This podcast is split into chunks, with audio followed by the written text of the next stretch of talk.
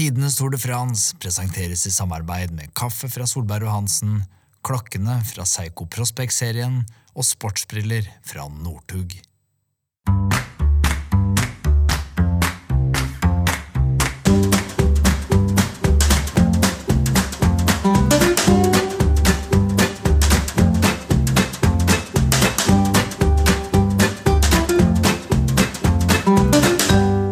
Hjertelig velkommen til tidenes Tour de France.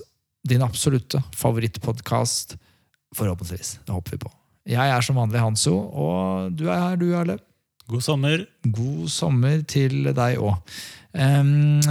vi, vi, husker jo fra sist eh, at vi befinner oss nå midt i en meget spennende samtale. Vi har fått én kaffekopp av Gotto. Nå er vi spent på om han kommer snart med påfyll. Det er det vi er. Eh, jeg tror ikke vi skal ha noe mer i visvas enn nødvendig.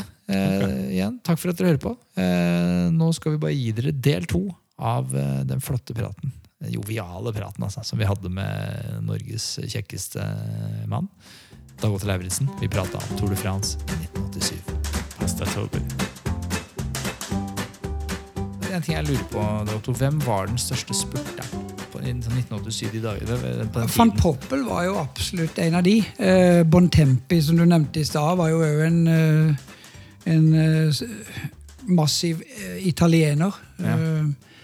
Ikke, du hadde ikke de store toga som de har i dag, ja. hvor laget var bygd opp for som, som, kanskje begynte med Cipollini, og som selvfølgelig har hatt med de store spurterne, og Tor Huser blant annet. Ja.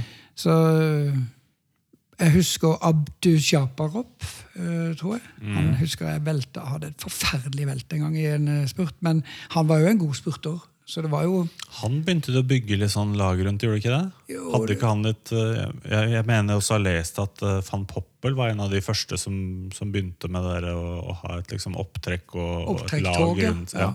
Mm. Så det var litt i starten. Og så er det en på, på ditt lag da, som er framme der hele tiden, Davis Finney. Davis Finney er absolutt en god spurter. Og mm, han vant jo en etappe i dette Tour de France i 87. Ja. Det kommer vi til. Men um, er, det faren til uh, hva heter han? Taylor, Taylor Finney? Finney? Ja. ja. Så der er det farskap? Der er det farskap, ja. absolutt. Jeg bare si, Nå kjenner jo ikke jeg Davis Finney, men Taylor Finney, fantastisk gutt. Ja, men er Davis Finney bra. minst like bra. Ja. Uh, Taylor Finney er nok litt mer svevende og litt mer filosof og bohem enn faren. Han var en 100% dedikert rytter, men uh, en veldig sympatisk type. Og var jo gift med en olympisk mester på skøyter. Ja, det er ikke dårligste genene, det. Nå kan du gitte hvem det var. Nå tenker jeg jo Tonya Harding og Nancy Kerrigan. Eh, nei, det var ikke den type skøyter. Nei. Nei, det, det og hun har vel vært uh, Jeg lurer på om hun tidligere var verdensmester på sykkel. Ok. Jeg må... Nå kan du tenke litt. Dette er quiz. Ja, dette, dette Spørsmål før vi er Fru Valen? Nei. Nei. Dette er langt utenfor min Amerikaner. Oh, ja. Ja, på, på langdistanse. Og hun gikk jo på skøyter sammen med Erik Heiden og sammen med Jim Okovic. Ja, Okovic var jo på laget til Erik Heiden når han uh, skøyta i Norge, f.eks. Dette er helt nytt for meg. Er det? Spennende. Spennende. Okovic jo, eh, kom jo fra skøyter og har deltatt i VM mange ganger. og Har ei datter som har vært med i sprint-VM, blant annet. Ja. Veldig hyggelig fyr. da. Fantastisk fin fyr. Ja, mm. For, for uh, skøyteløpere og for så vidt alpingutta de bruker jo sykling mye i treninga. som jeg har forstått det. Ja, skøyteløpere mer enn alpingutta. Ja. Men både skiskyting og langrenn òg bruker jo sykkel kanskje til litt sånn uh, rolig avlastningstrening på en annen måte. Ja, det er mye bedre for knærne. Mm. Det er derfor jeg burde begynt med gravel bike-greiene. Ok, etappe ni. Eh, dritlange etapper. Det er mye lange etapper. den tiden vi har om det. Ja. 260 km. Eh, der går det et brudd inn, og her har vi jo en gøy vinner. da Adri van der Poel. Det er jo en ny pappa. Det er ny pappa, det er mye Matthew, fedre her. Matthew van der Poel, som ja. Eh, er kanskje en av de aller beste rytterne i feltet nå. Han er jo god i både cyclecross og i mountainbike og i landevei. Han er, han, det han har gjort i ung alder, er veldig bra. Hvordan var far altså, Mathieu van de Poel er jo det største talentet. Ari van de Poel var jo en uh, vanvittig god uh, cyclecross-mann. Ja. Mange nederlendere som var gode til det, men han var jo en god spurter og en klassikerrytter. Så hvis du kikker på resultatlista hans, så ser du at han har vunnet flere klassikere. Er det ikke det? Det var litt derfor eh, Blant annet. Ja. sønnen var Jeg tror han har vunnet Liège-Bastogne-Liège, og jeg tror han har hevda seg i Flandern òg. Ja. Etappe ti. Eh, og her er det første individuelle tempo. Og her, som du nevnte, det er en lang tempo. 87,5 km. Det ser vi ikke så ofte i Tour de France nå lenger. Eh, og eh, det her kan gjøre utslag. Eh, Og Steven Roche viser jo her at han for, eh, absolutt mener alvor. Eh, Charlie Motte utfordrer kanskje her Fignon litt om eh, kapteinsitteren i system U. Han blir nummer to, bak Steven Roach, som vinner. Eh, og så har du Jean-Francois Bernard, som nevner, gjør det bra på sjetteplass. Også på åttendeplass. Der er det Dag Otter Lauritzen, altså. Det er ikke verst. Foran er Delgado, som eh, ble nummer ti. Ja. Uh, Jorgi Müller som, eh, fra Sveits. Eh, nei, altså Det var ikke noe dårlig resultat. Absolutt. Å bli topp ti i, i en eh, Men hvordan var du på tempo på den tiden? Fordi du, som du sa når jeg Nei, altså jeg, jeg var brukbart på tempo. Jeg, var jo, jeg er jo norskmester på tempo, men Ja. det sier ikke så mye. Uh, men uh, Altså, Du må jo være oppe i ringa for å bli norsk. Det er ikke bare å møte opp på NM. liksom. Du må Nei da. jo være Uh, men eh, jeg var brukbart. Jeg har jo noen topp ti-plasseringer i Tour de France på tempo. Og hvis du kikker på norske ryttere opp gjennom tidene, så er det ikke så veldig mange som har topp ti på en tempo i Tour de France. Nei, ikke i det hele tatt. Eh, Så ja, det er jo det er, det er bra. Men det, det blir endringer i sammendraget her. da. Det gjør jo at eh, Charlie Motte øh, hopper i den gule trøya.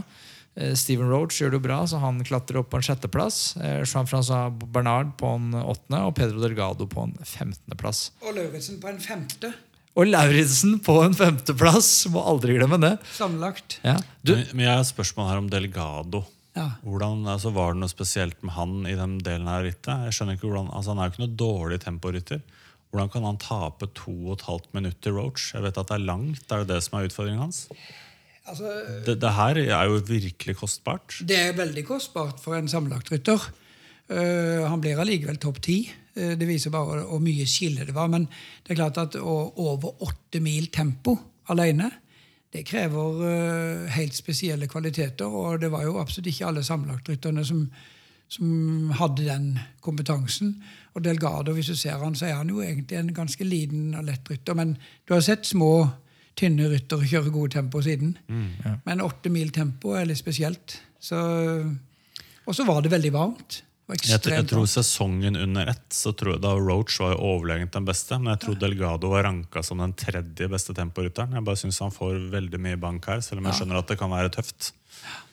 Han fikk jo til og med banka med, så du kan jo tenke det. Ja, ja, Du begynte ikke å tenke sånn, kanskje det er jeg For du ser her, du er den desidert best plasserte både på tempoen og sammenlagt på 7-Eleven-laget. Og du var jo ikke dårlig til å klatre heller. Også, sånn, liksom, Nei, jeg var jo ikke, skal- men jeg visste jo at jeg ikke var like god som Hemsen og Alcala. Ja. Men på et eller annet tidspunkt så var vi, vi var vel nesten tre stykker fra 7-Eleven oppe i topp 10, tolv- topp 12. Mm. Uh, det kommer vi vel til, men mm. vi, uh, vi kjørte absolutt ikke dårlig. Så er det etappe 11. Eh, en, det, det er så langt. Det er helt umenneskelig sammenlignet med i dag. Nok en etappe på 255 km. Altså, dere sykla Milan San Remo hver dag. Altså, det, er jo helt, det er jo helt sinnssykt. Eh, det er Brudd som går. Eh, System U, som da vant trøya med Charlie Motte, gulltrøya, de må jo da gi fra seg den. Fordi etappen vinnes av, av Marcial Gayant.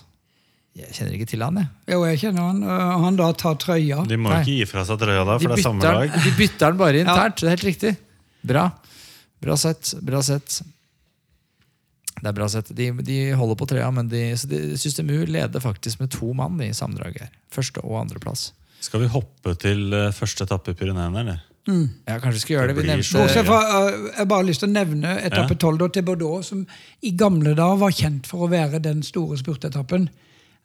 Uh, Store oh, ja, oppløpet inn til Bordeaux, og der vinner Davis Finney. Vinner Jeg var jo med å dra opp den spurten, og det var jo fantastisk. Det var vår første etappeseier i 7-Eleven. Men det er, litt- er litt sånn inn på store avenyer. Stor og, ja, aveny, det er omtrent som å komme på Champs-Élysées bare for at du har brosteiner oppover. Men øh, vanvittig fin, brei finale som gikk øh, faktisk flere år. Og vinne på Bordeaux det var liksom spurtetappen Mm. For de ypperste spurterne. Så det, det, når Davis Finney vant der, du ser han slår Jean van, van, van Poppel. Så det, det var veldig stort for oss. altså. Og hvordan er det? Det nevnte Ski nå, at, at eh, Champs-Élysées henger veldig høyt for oss Ja. nordmenn. Vi, Ja. Det vet vi er stort. Men så sier han at i, i, i Frankrike og Belgia og sånn, så er det andre byer som også er ganske legendariske, sånn som Bordeaux. eh, Bordeaux er jo legendarisk. Alpe d'Huez er legendarisk ja. av mange grunner. Men Uh, det er noen navn som henger igjen, og som går igjen. Sånn som Alpe d'Huez kjører de nesten annethvert år uh, Mm. i historien. Uh, har de gjort det i hvert fall år på år på år. Så jeg vet ikke. Eh, det er jo enkelte ting som er mer gjevt å vinne enn andre, men å vinne etappe i Tour de France, så blir det jo merka. Blir du skada? Ja, Slipper ikke unna det. Da. Nei, altså, jeg er veldig stolt. Og det er spesielt moro at jeg var første nordmann. Ja, det er veldig kult. Derfor er her. Ok, etappe 13. Første etappe Pyreneene. Og her var det visstnok ekstremt varmt. Og det kan jeg si, eh, det jeg husker her, det er det at jeg gikk i brudd. Jeg var faktisk i brudd på denne etappen òg. Ja. Og virtuelt så hadde jeg gule trøyer. Og så Ja. gikk jeg sukkertom. Det er noe jeg utrolig sjelden gjør. Ai, ai, ai. Eh, Så hadde jeg holdt inn der, eh, så tror jeg faktisk det hadde gått eh, veldig bra. Ja. Men uh, da husker jeg det sto i Norsk Avis, og nå er Tour de France over for Dagotto. Liksom. Sånn, den lå jo oppe i, i topp ti, vet du, og sånn. Men uh, så viste jeg jo eh, hva jeg ville da, akkurat som Edvald, Ja. når han ble forbanna. Ja. Og jeg var så forbanna på meg sjøl. ja, men når du sier det, så det har jeg lest at du uttalte til VG eller noe sånt, Mm. at uh, dagen i forveien eller noe sånt, så var du i brudd, og den etappen tror du at du kunne vunnet? Eller, Jeg tror jeg kunne tatt trøya. han, han, an- en, en annen som satt i bruddet, vant, eller noe sånt? Kan det stemme? Ja, var- Satt du i brudd med Broikink? Uh... Jeg, jeg tror ikke det var brøking, okay. Men, men jeg, tror i hvert fall, jeg vet i hvert fall at jeg gikk tom. Så jeg uh, mista såpass mye tid at uh, jeg var helt ute å kjøre. Og jeg ble skikkelig forbanna på meg sjøl og fortvila og bestemte meg for at i morgen skal jeg prøve igjen. Så da gikk jeg i tidlig brudd på en eh, skikkelig hard fjelletappe. Og eh, jeg vet ikke hvor det var fire fjell, tror jeg. Marie Blanc og Col d'Aubisque. Ja. Men det var vel en til. Ja. Vi snakker altså etappe 14, Ja. eh, som er, en, eh, er den etappen. Det er den etappen som vi får se. Det var egentlig en monsteretappe, for å si det sånn. Ja. Men jeg gikk tidlig i brudd med ikke nødvendigvis gode klatrere. Tønn van Fleet, en nederlender. Uh, Claver Roland, som senere vant klatretrøya. Mm. Og sånn. eh, og så eh, Hadde du en plan denne dagen? Eller Nei, sånn? eh, Når du går i brudd, så går du jo bare i brudd, og så er du med og jobber. Men så forsvant vel egentlig Claver Roland og Tønn van Fleet Ja. på et eller annet tidspunkt. Så ble jeg henta på toppen av Obisk. Før du gikk, for det er to topper på Col d'Obisk. Der kommer Andy Hampson, Roll Alcala og eh, Steven Roche og alle de favorittene. Så legger jeg meg bare foran og kjører eh, hardt for Hampson. Jeg tenkte at ok, nå får jeg bare gjøre en jobb, for nå har jeg vært i brudd. Oh, ja, så, ok, så bruddet, Så- blir, blir- bruddet blir først kjørt inn her? Ja, men der er to mann foran Ja. som ikke ble kjørt inn. Ja.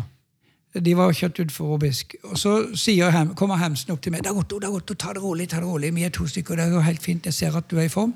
Se om du kan komme av gårde over toppen, og så kan du heller hjelpe på lussa di den.' Ja. Ja. Det var planen. ja. Men jeg tror det var de du sa. Eh, Clave Roland og van Fleet. Jeg Ja. tror det er de som ligger foran deg. De ligger foran. ja. Så, uh, så kjører jeg da ifra uh, på en liten knekker før vi har en litt sånn stygg utforkjøring, og så opp til siste. Og der er det regnvær. ja. Og det er så dårlig vær at uh, TV-sendingene virker ikke. Ok. Så øh, bare sånn fun fact da, Min kone har, hadde vært og besøkt uh, i Tour de France i sammen med et vennepar fra Kristiansand, faktisk. Som fulgte da to, tre, fire dager, annet når jeg lå på femteplass etter den tempoen. Øh, og de var helt i ekstase. Og så reiste de hjem til Belgia Ja, ok. den dagen, øh, og så er det regnvær, sånn at det er ikke TV-sending. Det er bare belgisk kommentator. øh, Ja, ja. og så sitter de ute i havnen, for sola skinner i Belgia. og så kommer naboen bankende på, men det er litt sånn nabo som er kanskje litt innpåsliten, som av og til eh, renner dørene ned. Så Ellen sa jeg vil ikke ha besøk av han. Så sendte hun de vennene som var på besøk, og sa nei, passer ikke. Så sendte hun han vekk igjen.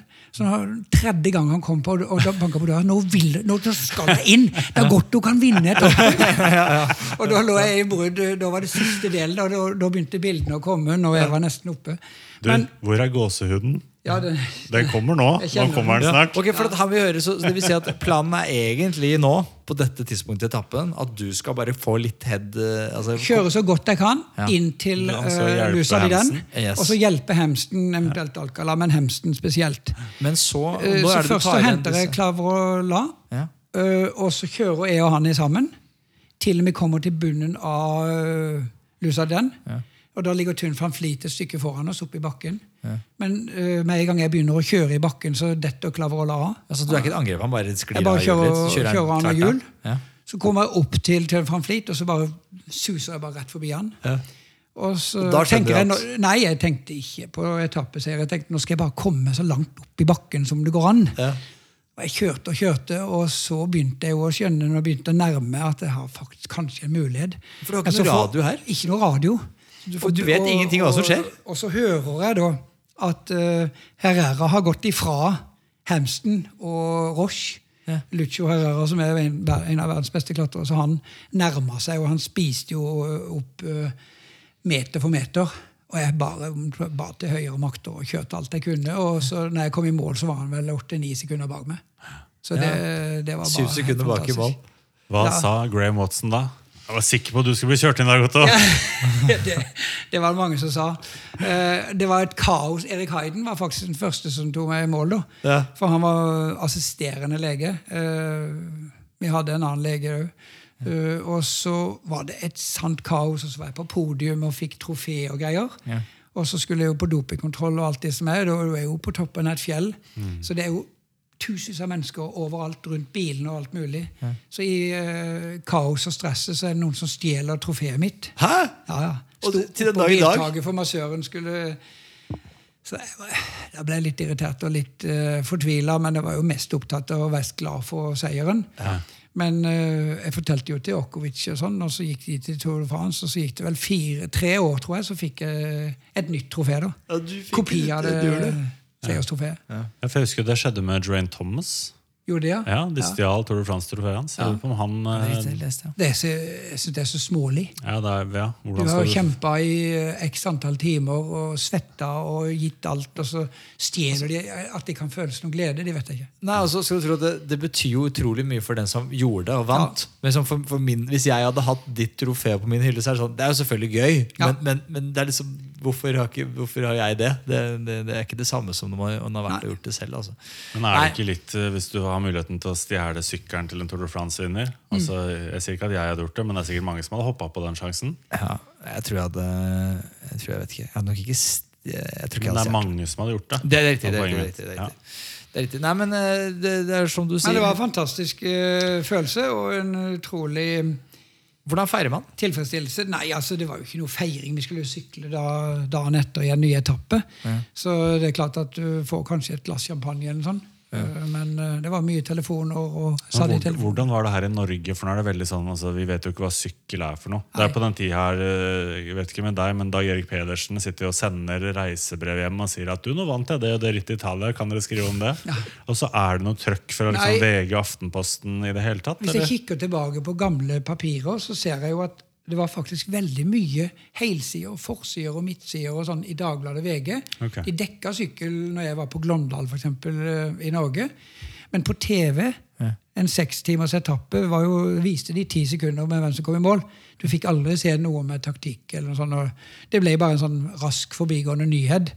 Så Sånn sett så har jo alt det som jeg føler vi har vært med på i TV 2, da, med å lære folk hva sykkelsporten egentlig er, det har jo gjort at folk har fått øynene opp for sykkel etter 2003, f.eks. Vi begynte jo Vi sendte jo redigerte sendinger i 97, 98, så tok vi pause, og så begynte vi i 2003. Så, og det har jo opplyst det norske folk. Men for meg så var det stort å vinne. Jeg brydde meg ikke akkurat så mye om hva folk tenkte hjemme. Så bodde du i Belgia, og der var det jo det, det var sykling det største. Og, og du kan si de som er litt artig da, det, han Naboen fikk jo kona mi til å sitte der, så de fikk sett akkurat når jeg gikk i mål. Etterpå, hele garda, alle naboene, kom inn med to eller tre flasker hver under armen. Og de ble, Ellen hadde jo ikke stoler til alle, så de satt på gulvet rundt i stua, og det holdt de på til to-tre om natta, så alle fikk fri fra jobben dagen etter fordi at jeg hadde vunnet Tour de France. Det var helt greit. Stakkars Ellen, tenker jeg. Naboen, naboen har vunnet Tour de France, liksom. Ja, ja. ja, selvfølgelig. Ja, åpenbart. Ja, selvfølgelig. Det, ja, det. Så det, det var helt vanlig kost der nede. Det, så det var litt artig. Ja. Men du ser jo så fet ut der. da, altså, Du er jo liksom den blonde vikingen. Altså, du ser jo bra ut, og du har på deg pannebånd med 7-Eleven-logo på. Ja, ja. Altså, Du kunne jobba i en kiosk. ja, ja. Men, Men du eh, var litt kjekkas allerede Nei, da. var du ikke det. da. Nei, nei, nei, det var jo ikke noe Det er først i senere tid jeg ble kjekkas. Ja, Nei, altså ikke det Nei, tatt. Men eh, jeg var veldig fornøyd med, med den seieren. Og da tok jo faktisk Federlandsvennen, eh, lokalavis på Sørlandet, den største riktignok, eh, inviterte pappa meg ned eh, til Tour de France for å følge da noen dager og lage reportasje og sånn.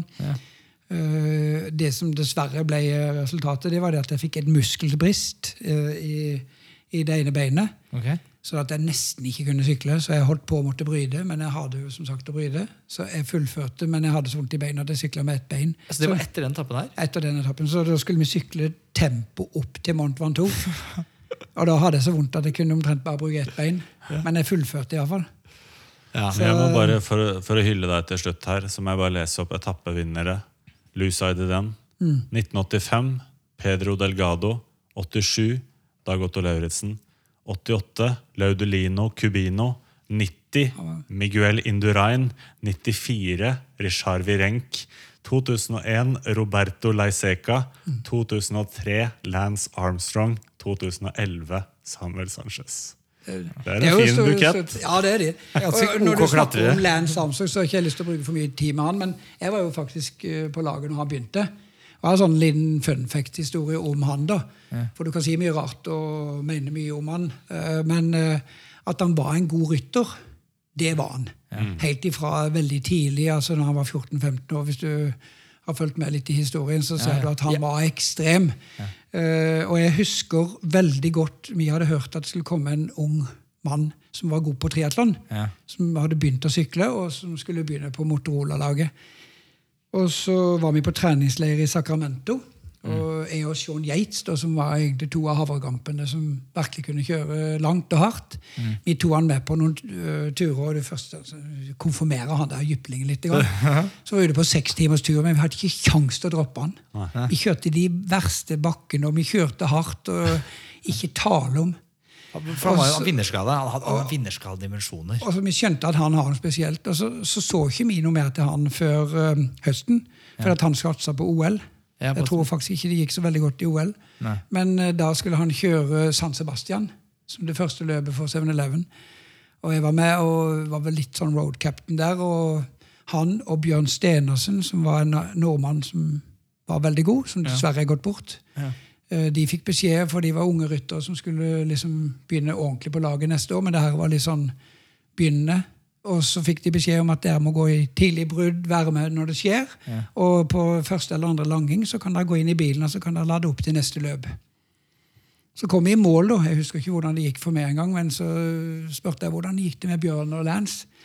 Jo, Bjørn hadde gått i bilen på andre langing. Han hadde vært med og jobba som en helt, men Lance han er fremdeles ikke kommet i mål. Ikke tale om at han ville gi seg. Han fullførte 30 minutter etter nest sistemann. Han kom i mål.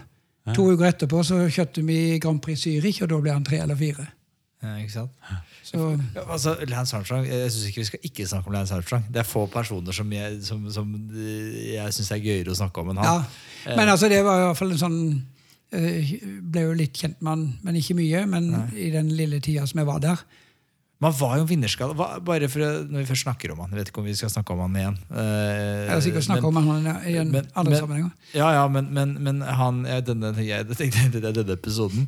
Men ehm, eh, har han blitt dømt litt urettmessig hardt? Eller føler du at det er på sin plass at han på en måte har, har mista alt? Altså, Jeg har ikke lyst til å sette meg opp som dommer i den saken, men det er jo ikke noe tvil om at han har blitt eh, et symbol på en syndebukk for alt det andre drittet som har vært. Ja, det det Så sånn sett så kan du jo sikkert si at eh, han har vel tatt mye av straffen for eh, en veldig dårlig politikk og veldig dårlig ja, idrettsmoral i, eh, som har vært belasta i sykkel.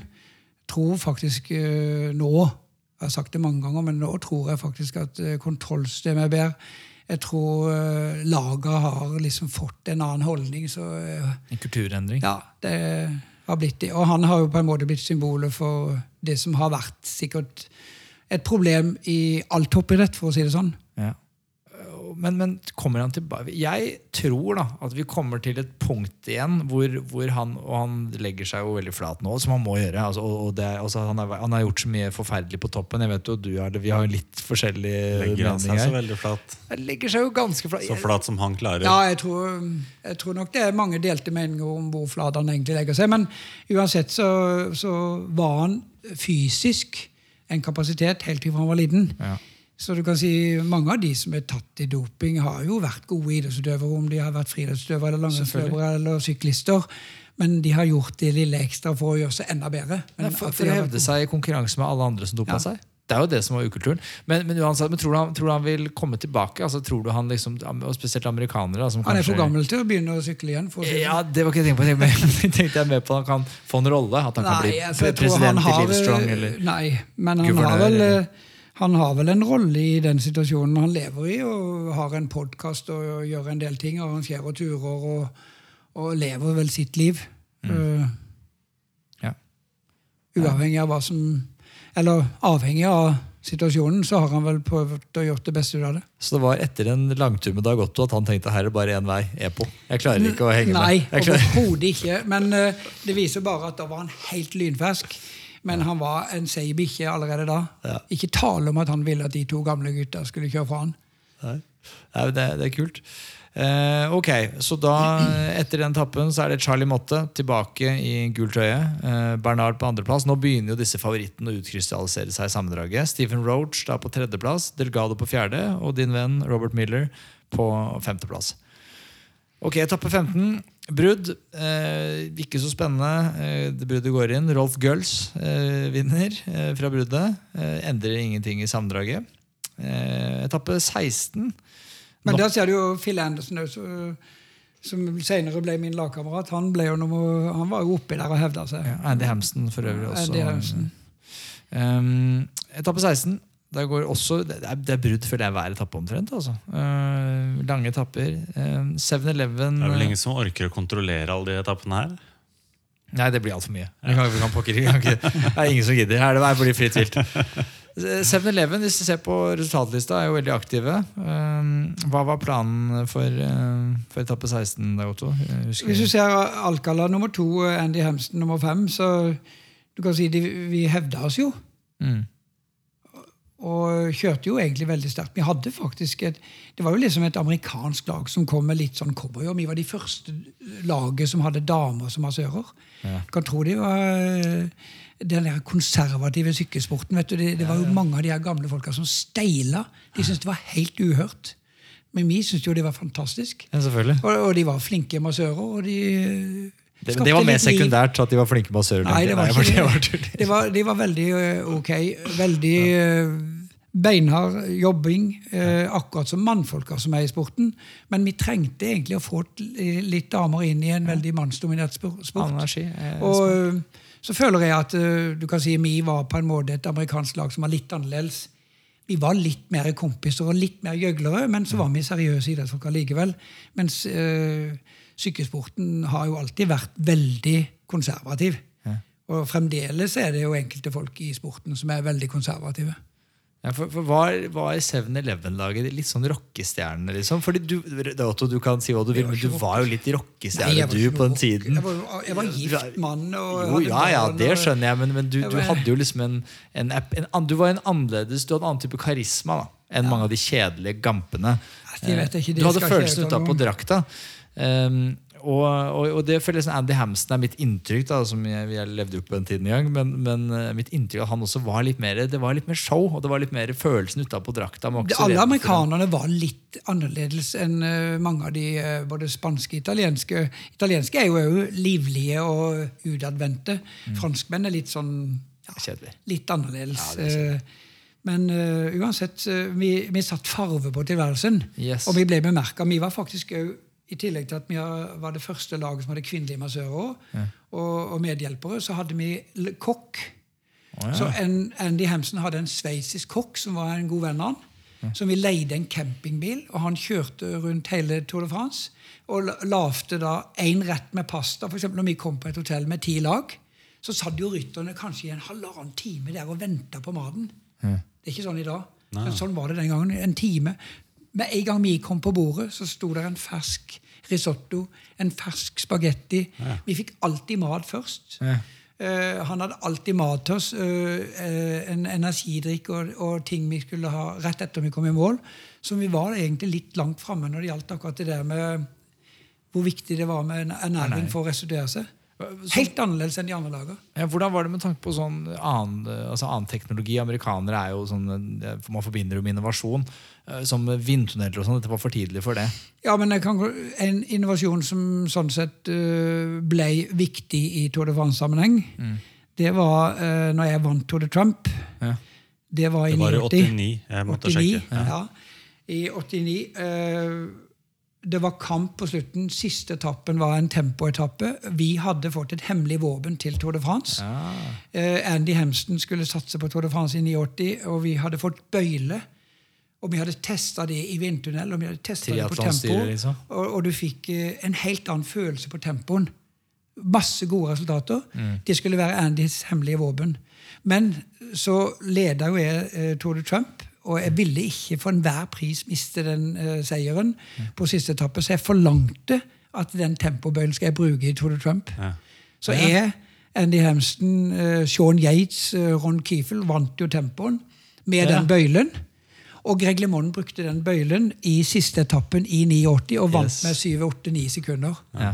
Eh, og han har fått æren kan du si, internasjonalt for at han var den første som kjørte med bøyle. Men det er Men det gjorde vi i Tour de Trump uh, måneden før. Ja, nok en korruksjon altså fra episoden fra 1989. Ja. For det er litt artig. Vi, vi hylla vel USA, på en måte. Og Ja. amerikanske, det er for så vidt greit, det. Men det er litt artig. Men jeg ser jo på sammenlagtlista her, da. Alcala ligger på sjetteplass og Hamston på sjuende. Men de er jo godt over sju minutter bak begge to. Og det er jo denne tempoen hvor de har tapt fem og seks Ja, minutter. det var- det var de burde jo jo lært litt av deg. Had- Ja, Hadde de kjørt like godt som jeg, så hadde de jo vært uh, Yes. i, i nærheten av podien. Så man må jo angripe her også. Det, De har mye de skal hente igjen. Eh, Absolutt. Roach ligger jo på tredje 1,26 bak han som leder. Så. Heldigvis var det uhemma masse etapper et år her, så ja. noen del etapper igjen å gjøre det på. Etappe 17, eh, massespurt. Dette var siste mulighet for massespurt eh, før Og Van Paris. Poppel igjen, sa du. Bontempi. Det er jo liksom de Van to Poppel, ja. typisk spurterne. Hanso, Ja, har vi noen fete premier å lodde ut, eller? vi har utelukkende fete premier. Det veit jo alle. Hva slags dumt spørsmål er dette? Nei, men jeg prøver bare å få deg på riktig spor. Ja, takk. takk. Ja, fordi, fordi vi, bare, vi må innom bare raskt her i, poden, og vi må informere, som vi ofte gjør, om at vi, vi har en konkurranse gående eh, sammen med Seigo. Eh, hvor, hvor de Seigo er jo det er mine favorittklokkemerker, faktisk. Det er jo, disse er jo gammelt er det? Må være 150-200 år gammelt. Ordentlig sånn eh, solid japansk klokkemerke. Lager bra klokker, liksom. Høykvalitet. Klokkenes sumo. Ja, kan man jo si. Kan man jo si. Eh, og så er det Men det er, det er litt sånn det er overkommelig pris.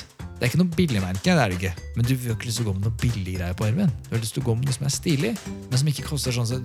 Hvis jeg hadde, hatt- hvis jeg hadde hatt en, en eh, Hva heter det dyreste? En, en Patek Philippe, så hadde jeg ikke turt å bruke den. Er det, Psycho. det er ikke, det er ikke psycho, Nei. Men, Du vil jo se like røff ut som eh, Thomas Feuclair. Ja, han er Seigo-mann. Ja, ja. Ja. Men, men sammen med Psycho så har vi en premie. En eh, Psycho Prospects alpinist. Dritlekker. Eh, som vi går til en heltevinner vinner. Eh, det eneste han må gjøre, er å rate podkasten i podkastappen. Være med oss og spre ordet. Eller spre ordet på en annen måte. Vi driter litt i hvordan du gjør det, men det er veldig enkelt og greit å gjøre det. Så hvis du sjokkerer oss, så ligger du godt an. Ja, kanskje. Nei, vi, det, er jo, det er jo et lotteri, da. Så vi putter alle, alle må sende da en melding på Instagram eller Facebook når de har gjort det. For da putter vi dere i lotteriet. Og så trekker vi en, en heldig vinner. Så sånn sett er det sånn de som eventuelt har skrevet et dårlig review, har jo like stor sjanse til å vinne som hvis vi går gått Puh, Det har jeg ikke tenkt på. Pokker. Ja ja, sånn er det. Vi må hoppe tilbake til poden, vi.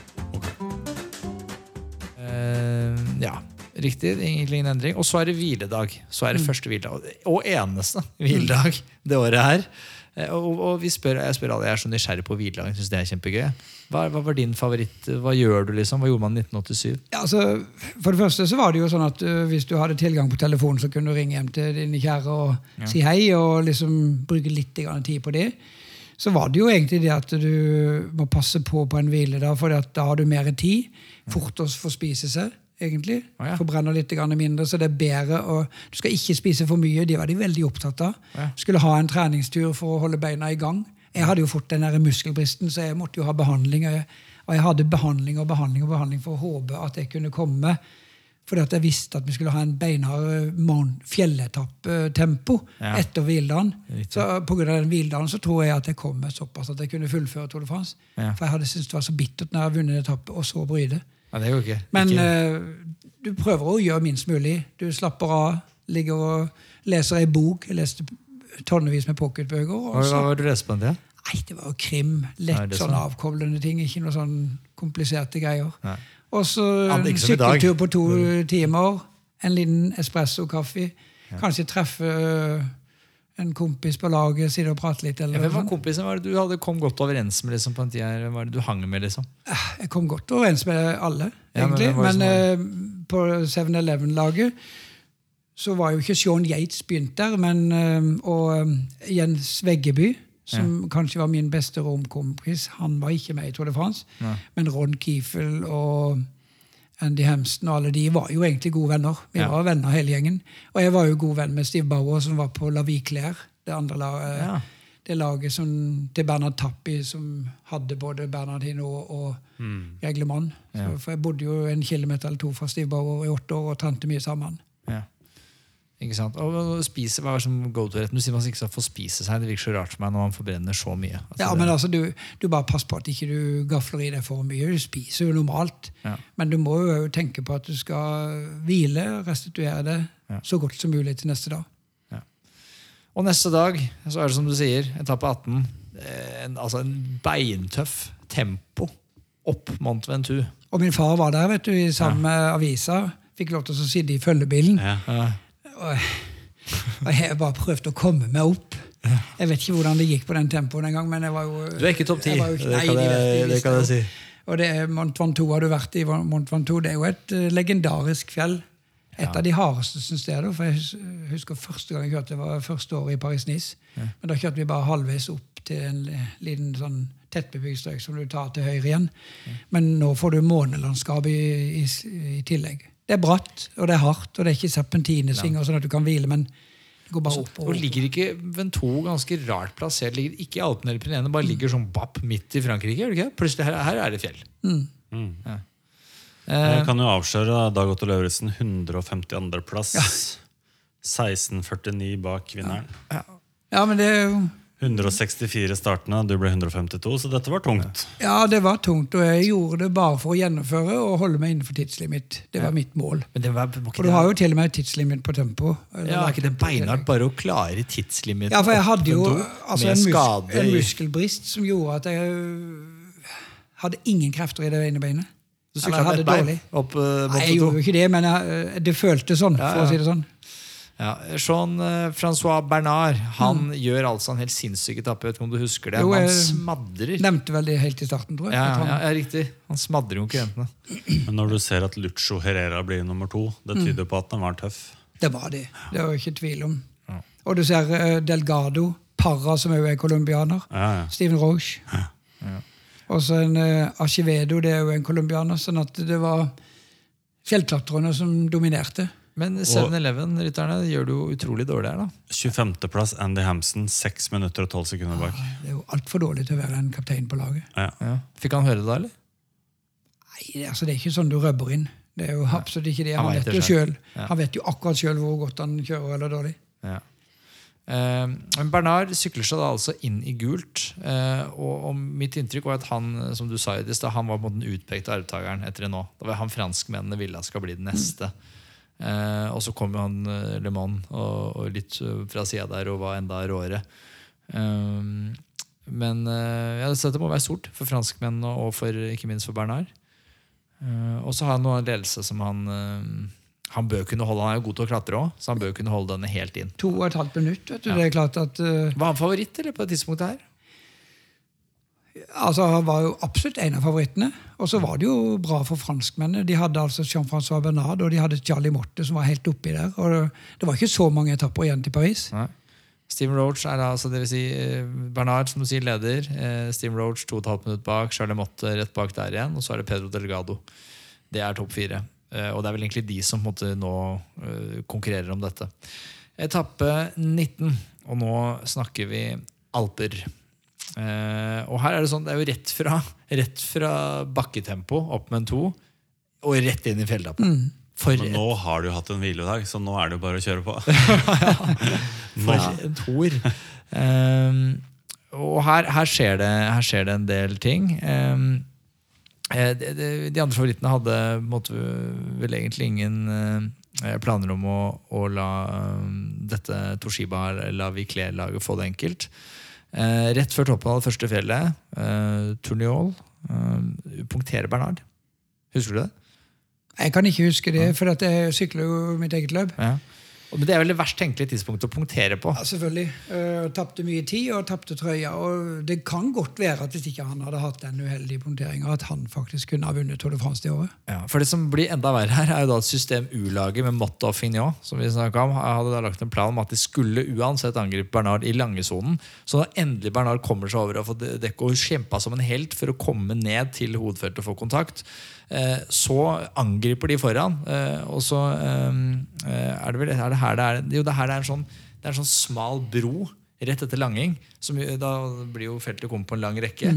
Eh, og da blir det jo kø bak for Bernard. Mens System U og med da Steven Roach de hadde sagt ifra til Steven Roach da, for å sikre at det var nok trøkk i det angrepet. Så hadde gitt beskjed til ham foran at du, i morgen etter langing da kommer det til å skje noe fra oss. Heng deg på.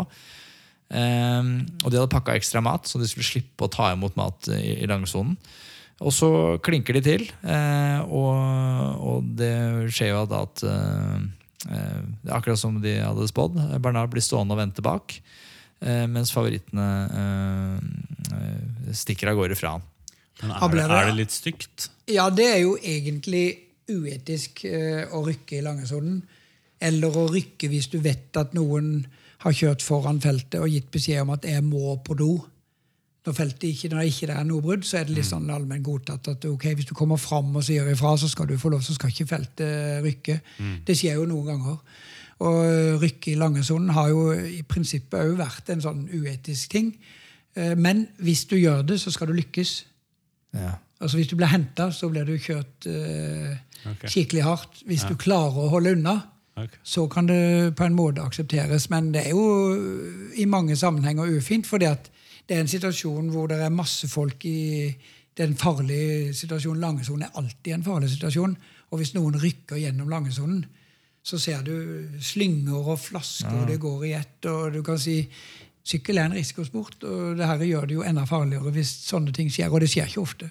Og det er jo også krig om den gule trøya, da, tenker Ja. jeg. Så det er jo det er den som ligger i potten her. Og Ja. det er jo vanskelig for ASO å gå inn og bare Nei, nei, det her var ufint. Nå, nå ruller vi tilbake, og så starter vi på nytt, gutter. Det kan de ikke. Eh, de kan stoppe hvis du eksempel krysser en jernbaneovergang. og sånne ting. Ja. Men uh, det, er mer, det her er mer en uskrevet regel at uh, på siste etappen til Champs-Élysées så skal du heller ikke rykke i prinsippet. Mm. I lange soner skal du heller ikke gjøre det. Si. Men tror du Bernard sitter nå og omtaler seg selv som den moralske vinneren av. Tour de France i 1987? Jeg tror ikke de, for jeg treffer han jo hvert år. Mm. han damper han og røyker og så virker veldig usunn. Jeg skal kjøre fra han med ett bein nå. Ok, altså Delgado Roach tar altså mm, eh, Tar også også litt tid på måte eh, faktisk, på slutten, fordi de angriper. Eh, og det som skjer, er jo da at eh, Roach Altså Delgado vinner etappen foran Roach. Eh, og så er det Roach som nå tar over den gule trøya foran Charlie Motte og Delgado. Og så har Bernard da eh, kommet helt ned på en fjerdeplass pga. at det kommer langt bak. Eh, halvannet minutt bak. Etappe 20. Eh, Da er det litt roligere vel. Du ser det at eh, Hamsten ligger på åttende og Alcala på tiende, så vi er jo oppe der. Ja, absolutt. Absolutt. Ja. Eh, etappe 20, og da tenkte vel Tor Arnstad nå skal vi roe litt ned. Nopp. Vi kjører eh, avslutning på Alpe d'Huez. Så etappe 20 går da fra Villard de Lance til Alpe d'Huez, 200 km. Beinhardt. Eh, Dagotto, vi snakker jo om Dues. Vi spør jo alle. Det er stort sett alltid en Duez-etappe med i disse legendariske torene. Hva er Tror du må si Alp Duez. Alp d'Huez? Du må si Alp Alpe ja. ja. Hva er det Eh, beste Jeg syns jo det er et legendarisk fjell som jeg har kan du si, Til tross for at jeg har vunnet på Lussadden, så har jeg ikke vært så veldig mange ganger der uh, siden. Så det er jo på en må, for, for meg det beste fjellet, men Alpe Duez eh, digger jeg. Der bruker jeg faktisk å reise hvert år med forskjellige kunder og bedrifter og sykle opp, og alle er vinnere når de kommer til toppen. Jeg husker når jeg sykla der sjøl som aktiv, så hadde vel egentlig ikke jeg noe sånn mål om å vinne, for at jeg hadde vel gjort jobben før vi kom til Alpe d'Huez, hvis du kommer i mål, men det er et fantastisk fjell, og jeg synes det jeg liker å kjøre opp de der 21 svingene. Og øh, jeg synes det, ja, det er et fjell med gode minner. Og du kjører jo, du, du får jo ikke fred nå heller, du. Når du kjører med bilen din oppover der, så så blir du vel uh... Nei, det, det er rett og slett uh, egentlig godt krydder uh, i tilværelsen, det å få lov til å kjøre opp der og, og hylle det norske publikummet. Skal uh, lage stemningsrapporter og se den galskapen. Og Alpe d'Huez er vel kanskje det fjellet med mest publikum. Som du må oppleve en gang. Jeg har overnatta der i telt noen ganger sammen med publikum. Ja, ja. Og, og kjent på stemningen. Ja, på Og det- Og der er jo altså Der er folk der som camper og plasserer seg flere uker i forveien. Kanskje kommer tilbake igjen da når de har liksom sikra seg en plass til campingbilen eller teltet. Ja. Så, men flere dager i forkant så er det masse liv der. hva, hva er ditt beste minne? om du skal velge ett Alp d'Huez-minne? Det bør ikke hvem som er fra når du sykla selv var aktiv. Det kan jo være i senere tid òg. Men... Jeg syns jo det har vært øh, å være egentlig som journalist, Ja. kjørende reisende journalist i forkant og, og ha opplevelse der. Men så har vi jo hatt uh, forferdelige minner der i tillegg. Ja. Uh, for jeg glemmer jo aldri den tragiske dagen hvor alt skjedde. Det var jo akkurat i bunnen av Alpe d'Huez jeg fikk høre at uh, det er full krise i Norge. Mm. Så du kan si den uh, Alpe d'Huez er fylt med begge deler, for å si det sånn. Av minner. Ja, Vi snakka jo med Johanne om det i, i første episode. at det, Dere hadde jo et slags ansvar òg, for dere satt jo og hadde en direkte kontakt til hundretusenvis av nordmenn som så dette på TV. Og, og, men så visste dere jo ingenting, fordi dere sitter jo i Frankrike. Eh, Så dere vet jo på en måte bare det bruddstykket dere får. Eh, Så han syntes jo det var, eh, det var tøft. Ja, det var veldig, altså, Og vi skulle jo liksom stoppe mange i norskesvingen og den hollandske svingen og rundt forbi og lage folkeliv. Og så fikk vi jo heldigvis beskjed om dette Ja. før vi kom inn i bakken. Men eh, nei, det var, det var tøft. Eh, og er veldig tøft for Påske og Kaustad, som skulle kommentere det live. mm. Hva husker du om duellen her? Delgado, Roach? Altså, Jeg husker nesten best eh, duellen fra 86 med Greg LeMond og Bernard Hinault. Ja. Eh, For det var eh, et år med mye krig. Og jeg var jo liksom halvveis på den ene sida, for jeg var god venn med LeMond og Steve Bauer, som var på det laget. Og der kjørte de faktisk sammen over mål, så vidt jeg kan huske. Eh, Men jeg husker ikke hvordan det gikk. Da må jeg kikke i resultatlistene med, med Delgado og, og Roach. Ja, så Her er det et brudd som går inn. Eh, Så Etappen vinnes av Federico Echave, men det er ikke så spennende, for spenningen er jo bak. Eh, Og da er det faktisk Fignot som har fått uh, trøkk, trøkk i, i klikkpedala. Eh, og han kommer først i mål av eh, Eller Luis Herrera kommer jo foran, men Lorenfinal kommer på en sjetteplass. Eh, Pedro Delgado henger bra med. Eh, Og så må du se litt lenger for å finne de andre. Og det som skjer her, er jo rett og slett at eh, Pedro Delgado går inn i gul trøye. Han tar over den eh, på etappe 20. Eh, 25 sekunder bare foran Steven Roach. Og så kommer Bernard. Han klatrer forbi Motte og ligger nå på tredjeplass. Og Motte på fjerde. Så det er spenning. Men du husker ikke at Delgado faktisk tar trøya fra Roach? altså? Nei, det kan jeg faktisk ikke huske. Jeg var vel sikkert opptatt med overleve sjøl. For han får det tungt her. Ja. Han taper jo mye. Og Ham Hamsten taper jo ti minutter. Eh, altså fem, da, for det var jo brudd der først. Han taper jo fem minutter til Roach. Eh, Dagotto tror jeg så som nummer 60-aktig. Noen og 60. 69. Ja. 1743 bak. Men eh, det Det er jo ikke det det viktigste for deg, da. Nei, det var bare å overleve, egentlig. Og det er fortsatt skade, ja. Og etappe... nå er det rolig etappe, da vel. Siden vi har hatt Mont Ventoux, bakketempo og Og kun én hviledag. ja. Nopp, etappe 21 så bestemmer, eh, stemmer torarrangøren seg for at de skal eh, gjøre det beinhardt. Jeg vet ikke om du husker den etappen? Den husker jeg faktisk. Gå fra Eh, Bourdousa til La Plagne. Jeg husker jo når jeg kom i mål, så så jeg jo bilder av om jeg så jo Roach ligge der med oksygen og sånn. For han gikk helt i kjelleren. Ja, for her, her er det dette, altså, Det som har skjedd, som vi sier i stad, så er det jo Toren handler nå om to mann. Det er Steven Roche versus Pedro Delgado. Det er 25 sekunder som skiller. Eh, spanske myndigheter har gitt alle ansatte altså alle som jobber for spanske myndigheter, eh, fri eh, for å følge Delgados vei mot en potensiell torseier. Eh, dette er stort. Eh, Man skal over masse tøffe fjell. Man skal over Galvier, man skal over Col de Madeleine. Og så er det avslutningen da opp til dette alpinstedet La Plagne.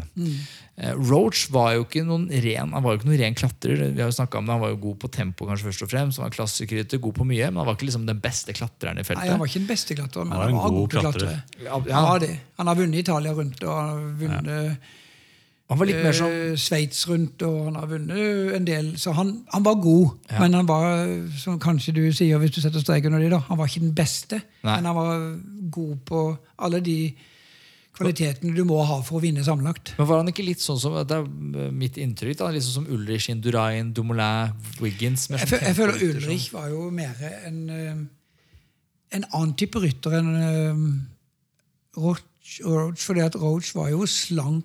Eh, Ulrik var mer en tung Indoren-type. Ja. De to er litt mer like sånn kroppslig og måten å kjøre på. Mens Roach var nok uh, mer uh, lik en klatrer i det hele tatt. Han, han var liten og lett. og Men i alle fall, så dette er jo en tappe som har han måtte forsvare seg. Og Delgado Mitt inntrykk er at Delgado var sett på som bedre klatrer på den tiden, men var, var kanskje ikke det. Jo da, det kan du sikkert si. Ja. Eh, Men det som skjer, da, opp eh, siste bakken, eh, La Opp La Plang Finot angriper Det skjer ting før det også. Okay. Roach angriper på vei ned fra Galbier og inn i Madeleine. det er riktig. Han sier at han angriper fordi han så at Delgado var isolert.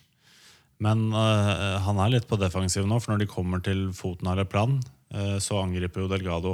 Ja. Og da tenker Roach hva gjør jeg nå, liksom? Altså Hvis jeg følger det tempoet der, da, da dreper jeg meg sjøl.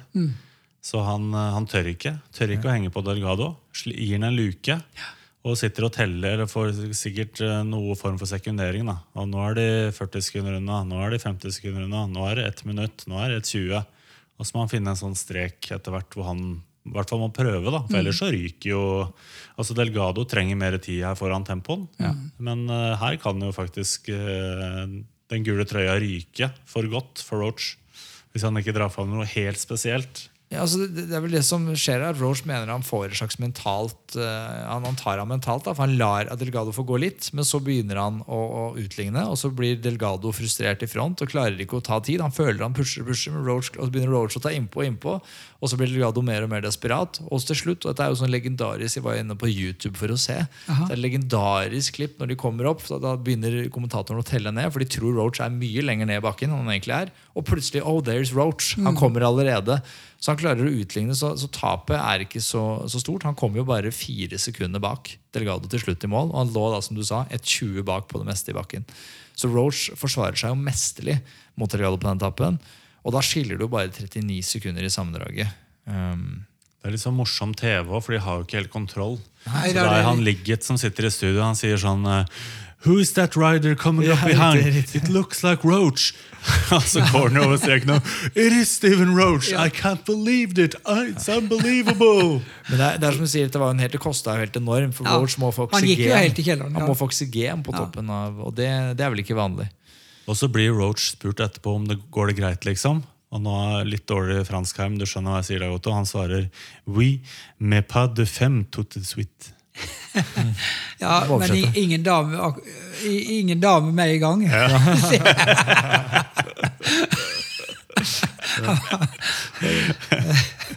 Så han hadde humør Ja, òg. Da hadde han humor, iallfall. Ja, Ja. det er gøy, det. Og så etappe 22. Gå fra La Plange til Morsin.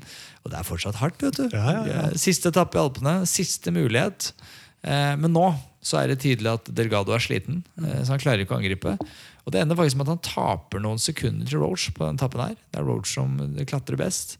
Så det som skjer er at da inn i den avsluttende tempotappen så leder Delgado bare med 21 sekunder på Steven Roach. Eh, og, og det er Roach som har det psykologiske overtaket da, ettersom han er sett på som bedre temporytter. Og har sykla bedre på tempo så langt det året her.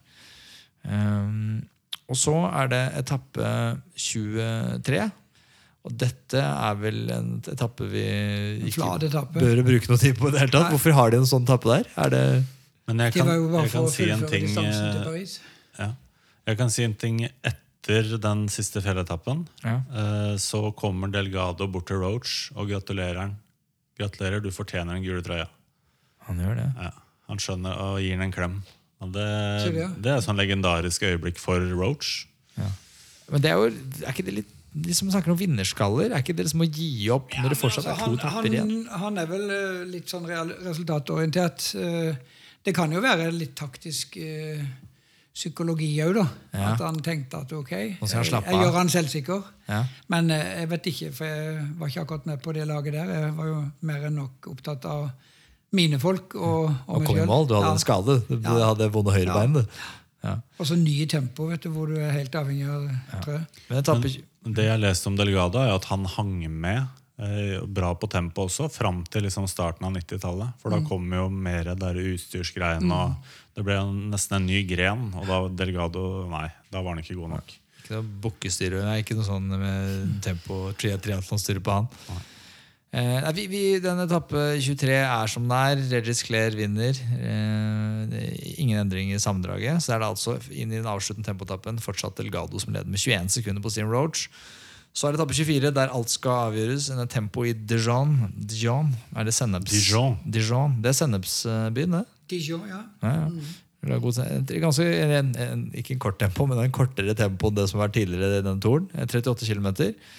Eh, og Bernard knuser de andre. Han slår og jo tilbake litt, Ja, det det. eh, og egentlig viser at eh, jeg kunne faktisk ha vunnet hvis ikke jeg hadde vært uheldig. Helt klart. Tror du at han hadde vunnet? Jeg tror det. Det var jo det vi snakka om. At uh, uten de utfordringene han hadde, så tror jeg kanskje at uh, han hadde vært den som hadde vært nærmest til å kjempe med Roach. Ja. Men det ble tettere mellom Roach og Delgado enn mange hadde trodd. Ja. For det var når, Det var jo en krig helt i mål. Ja, absolutt. Og når, når, Bernard var ute, så var det på en måte det er Roach som tar dette, som var litt tanken. Men så kommer Delgado og ypper seg. Um, um, ja. Så det vil si at uh, Steven Roach uh, kom på andreplass. Uh, man kommer langt bak Bernard, men allikevel han kommer langt foran Pedro Delgado. Det er jo det som teller. Så det gjør at Stephen Steven Roach eh, vinner Tour de France eh, i 1987 på, med 40 sekunder på Pedro Delgado. Og så er det Bernard da, som sykler så godt på slutten at han får tredjeplassen. Eh, og så er det selvfølgelig den siste etappen, da, etappe 25, som går inn til Paris og Champs-Élysées. Eh, og der så er 7-Eleven tilbake. de. Brudd. Jeff Pierce gikk i brudd eh, på slutten på Champs-Élysées. Det må du fortelle Og det feilkalkulerte de der, for det, det ser du jo hvert år. at eh, Når du kommer på Champs-Élysées, så er alle glad for at nå er det ferdig. Du får gåsehud når du ser Eiffeltårnet og nærmer deg Paris. Ja. Og de der fem mila der inne, de klarer du fint. Det er et eh, slags gateløp. Ja. Men da er det jo gjerne lagt opp sånn at eh, de med gul trøye skal få lov til å promenere inn. Ja. Vise gule trøya, og så er det en kamp for seieren. Eh, og av og til Det går alltid brudd, og noen ganger så feilkalkulerte de, og det gjorde de denne gangen òg. Jeff Pierce fra mitt lag var med i de bruddet, og så gikk han ifra helt på slutten. Og så klarte han å holde unna, så vi fikk faktisk tre etappeseire. Ja, det er jo spinnvilt, men, men altså, det, folk prøver seg i dag. Men er, det, er dette her fordi, er, Var det mulig fordi man ikke hadde radio? Men det her ser Jeg tror det er mye mulig at uh, de har de toga som virkelig kan kjøre foran en, en spurter og sånn eh, i dag. De hadde det ikke den gangen. Og jeg vet ikke, de klarte kanskje ikke å organisere seg godt nok bak. Det må jo være en eh, de, burde, de kunne nok ha henta det bruddet hvis de hadde kjørt riktig, men de feilkalkulerte. Og de ble jo til vår fordel, som vi fikk tre etapper. Og det den gangen, det er kanskje noe dere aldri har vært borti, men vi hadde noe som heter grønne hatter. Grønne kaskett. Nei. Det var et, eh, Istedenfor grønn trøye som den ene rytteren som har best på poeng, Ja. så hadde de de laget som var best på poeng. Å ja. Og da telte de vel tre mann fra laget hver etappe. Okay. Og vi på 7-Eleven hadde faktisk det helt til siste dagen. Ja. Men siste dagen så bytta de Vi var på podium og fikk de grønne hattene, men etterpå så ble resultatene gjort om. Hvorfor? Så da tror jeg vi ble nummer to eller tre i den konkurransen. Yes. Ah, ja. Men uh, det betyr jo at vi i løpet av alle de etappene, eh, totalt sett med tre mann på hver etappe, da, hadde plukka nok poeng. Ja. Det, det var utrolig mye rare bare, mm. Det var veldig mye rare konkurranser på den tiden. De har kutta ned på det. Altså, jeg ser i andre konkurranser, når du nevner det, så hadde de eh, performance competition, altså kombinasjonskonkurranse av noe slag, eh, som ble vunnet av Bernard. Og så hadde du Best New Rider, som ble vunnet av Raoul Alcala. Eh, det tror Det, er, det er jo hvit trøye, da. Eh, ja, det er vel hvit trøye. Ja. Så det er vel en ung, unge eller fersk. Og så har du noe som heter catch competition. Hva er det for noe? Husker du det? Nei, Jeg husker ikke det engang, men det er sikkert noen sånne spesielle spurtpoeng kanskje på enkelte steder. eller et eller annet sånt. Og så er det som du sier, du hadde team points, og der sier du det. Ja. System U eh, har Sommer har færrest poeng, fordi de har 1790 poeng. Og så er det PDM på andreplass, og så er det 7-Eleven på tredje. Og det er bare noen få poeng som Og skiller. det er bare noen få Og, poeng som skiller. og det skilte siste dagen, og, og vi fikk faktisk hattene på podium, og så mista vi de. Ja, altså det, det, det, er snakk altså det er eh, 30 poeng som skiller vinneren fra tredjeplassen, og så er det mange poeng videre nedover. Så, Så det er vittig, da. Men eh, det var i hvert fall uh, et gøy Tour de France, for å si det sånn. Jeg kan si da at uh, avstanden på topp tre uh, var det tetteste det hadde vært jeg vet ikke hele historien, men eh, det ble slått i 2007. For da vant Alberto Contador 23 sekunder foran Kedel Evans og med Levi Leipheimer 31 sekunder bak. Altså de tre på podiet. Så det var uh, sekundstrid den veien, selv om det var et lite stykke ned til Bernard da, på tredjeplass. Og så er det jo selvfølgelig Roach da, som tar en uh, triple crown. Ja, vet du hva det er, Hanso? ja, det er vel at du vinner både Tour de France, Giro d'Italia og VM samme år. Det er riktig. Ja. Det, det er jo ingen som har vært i nærheten siden. Det var andre som gjorde det. Greg LeMond har vel gjort det? Nei. Nei. Han Eddie. Merckx gjorde det nesten hver eneste sesong, men han har faktisk bare gjort det én gang. Ja. Men han eh, vant jo altså, Tour de France og Giroen hvert år eh, sammen. Han vant eller- jo over 500 løp hvis han hadde 1000 starter. Så han, ja, noe sånt, sånn pluss minus, jeg husker ikke. Helt psycho. Men uansett uh, Det var en bra seier for Steve Roach, og jeg føler det var et veldig bra Tour de France for 7-Eleven.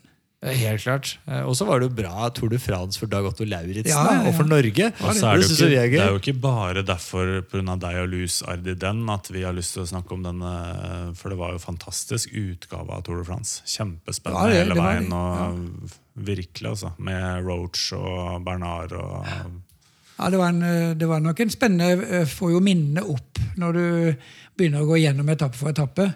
For det er klart når du er midt oppi det, så er du opptatt med det du holder på med.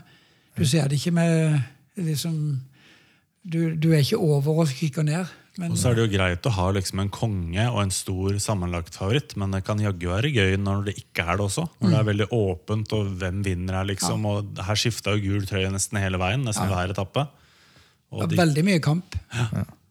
Det er moro. Dette var utrolig gøy. altså. Få lov å komme på besøk hit. Otto. Ja, du vet jo du er en busy mann. Det er jo Kompani Lauritzen går Du skulle heller hatt deg i Grimstad, da. Ja, ja, hyggeligere kommer- plass. Nå har jo du blanda noe gin og tonic på benken her, og nå skal vi ut på verandaen en tur. Og, sola. Ja, men hva, hva, hva er det som du skal gjøre nå framover? Det er jo et og annet. Ja, vi, skal, vi holder på å planlegge Kompani Lauritzen. Eh, Vi er vel ferdig uh, med å sette uh, gruppa som skal inn. Ja, Spennende. Er det, Det er får vi, er det noe her vi får høre her først, eller? Nei, Nei, det er hemmelig, det. det er hemmelig. Eh, Steinar Sagen skal være med, jeg har hørt. Ja. det har ikke jeg hørt. Nei da. eh, Og det blir spennende. Det har blitt uh, mottatt kanskje enda bedre enn vi hadde våga å drømme om. Ja, det Så, så veldig stolt over det produktet. Og det er jo pga. godt teamarbeid, akkurat som sykkel er teamarbeid. Selv om ikke alle forstår det, eh, så er faktisk sykkel et teamarbeid. Eh, De står ikke på toppen av Tour de France hvis ikke de har mange gode hjelperyttere. Og sånn er det med meg og Christian òg i Kompani Lauritzen. Vi har utrolig mange gode hjelperyttere. Så det er faktisk oppi 110 stykker som er med på Oi. å gjøre dette bra. ja. Er det prega av korona? Ja, altså Prega av korona, selvfølgelig. Vi vet jo ikke helt hva tida vil vi gi. Ne. Nå er jo Tour de France flytta, og det skal jo faktisk gå samtidig med vår innspilling av Kompani Lauritzen. blir Tour de France uten Dag Otto i år. Det kan være det. Jøss. Hvis det blir Tour de France. Kanskje de, Jeg vet Tour de France-arrangøren vi ringe ASO, så de kan, for ja, for de kan justere om. Ja. Nei da. Det blir trist. Ja. Men um, Vi får gjøre det beste av det. Ja, vi, vi, vi krysser fingrene for at det blir Tour de France. Vi, fall, vi, vi prøver å gjøre vår del da, i å lade opp, så vi skal reise videre. vi. Møte Mm. nye folk, ta for oss gamle utgaver. Dette var, det var perfekt. Så ses vi i Grimstad neste gang, kanskje. Jeg liker kaffe. Jeg liker det. Ehm, alltid der og handler kaffe. Og Det jeg var og sykla med en gjeng fra kan du si, den gruppa jeg kaffe. eh, på siste etappen nå. De sykla fra Oslo den 10. juni og kom i mål i Ålesund. Og Jeg sykla den siste etappen med eks-narkomane som har bestemt seg for en ny retning i livet og trent i ett år for å fullføre. De skulle kjøre Italia rundt. Så fikk de dessverre ikke kjørt Italia rundt pga. korona, men vi kjørte uh, Tour of Norway. Ja. Og det var fantastisk. Så det er mange som gjør en god jobb der. Det er noe av det viktigste. Kan jeg, kan jeg ta en liten historie om Dag Otto til slutt? Ja. Det er veldig kort. Hariro B. Jeg sitter alene ved, jeg reiser rundt alene som journalist. Sitter alene ved et bord på hotell med Seine. Skal spise biff. Kommer selvfølgelig hele TV 2-gjengen inn. Koselig det, har ikke noe problem med det. En mann ved det bordet snur seg og sier Hei, har du lyst til å spise sammen med oss, eller? Dag Otto. Ja, ikke sant? Veldig trivelig fyr. Alle kunne ha gjort det. Det er godt å gjøre det. Bra mann. Til Musein er fint. Med. Ja, jeg, kort jeg tror Disse historiene tror jeg ikke vi kan ta på lufta. Jeg tror Vi må få skru av mikkene. Det var veldig veldig kult å være her. Vi ses i Grimstad kanskje neste gang. Shalabais!